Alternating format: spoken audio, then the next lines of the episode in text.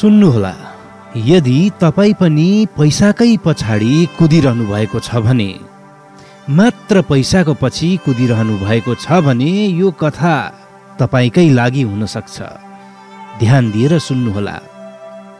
एउटा सानो गाउँमा बस्दै गरेको एउटा ठिटो सहर गएर नौकरी गर्न थाल्छ। उसलाई एउटा कामबाट एउटा नोकरीबाट उसलाई चित्त बुझ्दैन। उसले घरिघरि आफ्नो पेसा बदलिन्छ आफ्नो नौकरी बदलिन्छ एउटाबाट अर्को अर्कोबाट अर्को अर्कोबाट अर्को र नोकरी गर्दा गर्दा पनि ऊ वाक्क भएर उसले आफ्नै बिजनेस सुरु गर्छ। बिस्तारै बिस्तारै हेर्दा हेर्दै उसले धेरै पैसा कमाउन थाल्छ।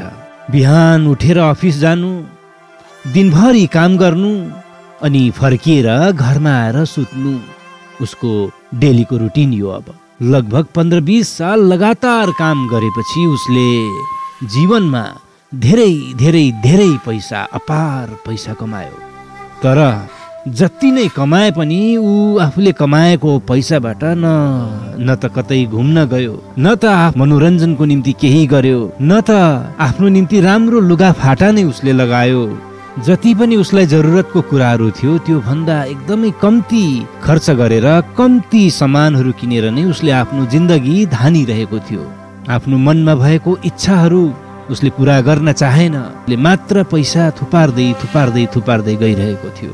उसको एउटै लक्ष्य थियो त्यो पनि मात्र पैसा कमाउने। कमाएको पैसा यसरी थुपार्दै थुपार्दै थुपार्दै बढाउँदै बढाउँदै बढाउँदै जानुमा नै उसले आफ्नो जीवन बिताइरहेको थियो। उसलाई यो भानै भएन। जीवनमा यति ऊ व्यस्त भयो पैसा कमाउनमा कि उसले आफ्नो शरीर बुढो भइरहेको सम्म पनि उसलाई थाहै भएन। तर यस्तैमा यस्तैमा एक दिन ऊ थाकेर अफिसबाट आएर सुतिरहेको बेला अचानक यमराज उसको अगाडि आएर उभियो र यमराजले भन्यो हेर तिम्रो समय सकियो अब। यहीँसम्म नै थियो तिम्रो जीवन। अब सकियो। तिमी मसित हिँड्न तयार हुआ। अब तिमी मसित जानुपर्छ। जब त्यस व्यक्तिले यमराजको यो कुरा सुन्यो उटुवा परेर यमराजलाई हेरिबस्यो। हक्क न बक्क भएर उसले यमराजलाई हेरिरह्यो। उसको होस उड्यो। यमराजलाई उसले भन्यो गिडगिडायो म त अहिले जान सक्दिनँ यमराज। मैले यति धेरै पैसा कमाएको छु। मैले त्यो खर्च गरेकै छैन। मैले आफूले मनपर्ने एउटा लुगासम्म पनि लगाएको छैन। मेरो मनले चाहेको कुराहरू मैले केही पनि गरेको छुइनँ यमराज म त अहिले जान चाहदिनँ। यमराजले भन्यो यस्तो कसरी हुन्छ? तिम्रो समय सकियो अब तिमी मसँग जानै पर्छ।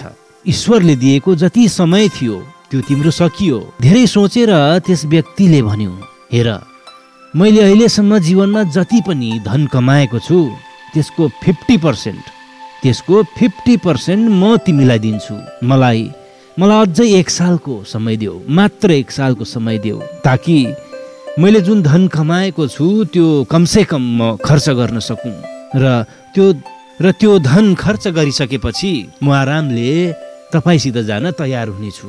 यमराजले भन्यो यस्तो कहाँ हुन्छ? यस्तो नियमै छैन। तपाईँको समय थियो तपाईँले समयमा बुझ्नु भएन अब समय सकियो। अब रोएर केही हुँदैन। त्यस व्यक्तिले फेरि भन्यो फेरि रिक्वेस्ट गर्यो क्या। यदि पचास प्रतिशतले तपाईँ खुसी हुनु हुँदैन भने तपाईँ अस्सी प्रतिशत लिएर जानुहोस्। अस्सी प्रतिशत लानुहोस् अनि मलाई एक साल पनि होइन मात्र एक महिना दिनुहोस्। म आफूले मनले चाहेका केही कुराहरू म गर्न चाहन्छु। यति धेरै पैसा कमाए मैले मैले आफूले चाहेको एउटा लुगासम्म किनेको छुइनँ। मैले आफूले चाहेको एउटा मिठो भोजनसम्म पनि खाएको छुइनँ। मलाई एक महिनाको समय दिनुहोस् तपाईँ अस्सी प्रतिशत मेरो धन सम्पत्ति लिएर जानुहोस्। यमराजले फेरि भन्यो हुँदैन तिमी कुरा बुझ न यो सम्भव नै छैन। तपाईँ मसित जानै पर्छ तपाईँको समय सकियो कुरा बुझ्नुहोस्। व्यक्तिले फेरि भन्यो एउटा काम गर्नुहोस्। मेरोमा भएको सबै धन सम्पत्ति तपाईँ राख्नुहोस्। मलाई केही चाहिएन। मलाई मात्र एक घन्टाको समय दिनुहोस्। त्यति त गर्नु सक्नुहुन्छ नि मेरो लागि। यमराजले भन्यो हुँदैन हुँदै हुँदैन। कसरी दिनु? म तपाईँलाई अब अरू समय दिनै सक्दिनँ। त्यो मेरो हातमा छैन। तपाईँ मसित जानै पर्छ। व्यक्तिले भन्यो ठिकै छ म तपाईँसित जान्छु। तर तर मलाई एक दुई मिनट दिनुहोस् न त। मेरो आखिरी इच्छा हो यो। यति त मानिदिनुहोस्। एक दुई मिनट दिनुहोस् मलाई। प्लिज। यमराजले उसको यति बात सुन्यो र उसलाई एक दुई मिनटसम्म दिन तयार भयो। त्यस व्यक्तिले आफूले पाएको केही दुई चार मिनटभित्र एउटा चिठी लेख्यो र चिठीमा लेख्यो कि यो जसले पनि यो पत्र पढ्नुहुन्छ तपाईँले यो पत्र अरू कसैलाई अगाडि बढाइदिनुहोला। जसले पनि मेरो कुरा यो पत्रमा पढ्नुहुन्छ तपाईँले यो कुरालाई यो पत्रलाई आफ्नो साथीहरूसित बाँटिदिनुहोला ताकि जसले पनि यो पत्र पढ्छ उसले यो कुरा बुझोस् कि जिन्दगीमा पैसा सबै कुरा होइन। पैसाले जीवन बचाउन सक्दैन।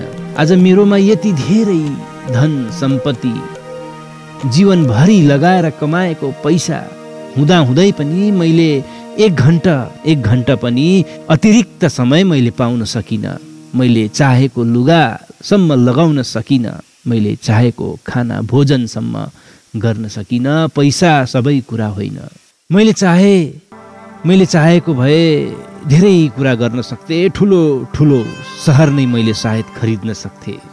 ठुलो ठुलो आलिसान होटलहरू मैले किन्न सक्थेँ बनाउन सक्थेँ। म संसारको कुनै पनि जग्गामा गएर घुम्न सक्थेँ। मैले काम नगरिकन नै रहल जिन्दगी ऐसो आरामसित बिताउन सक्थे।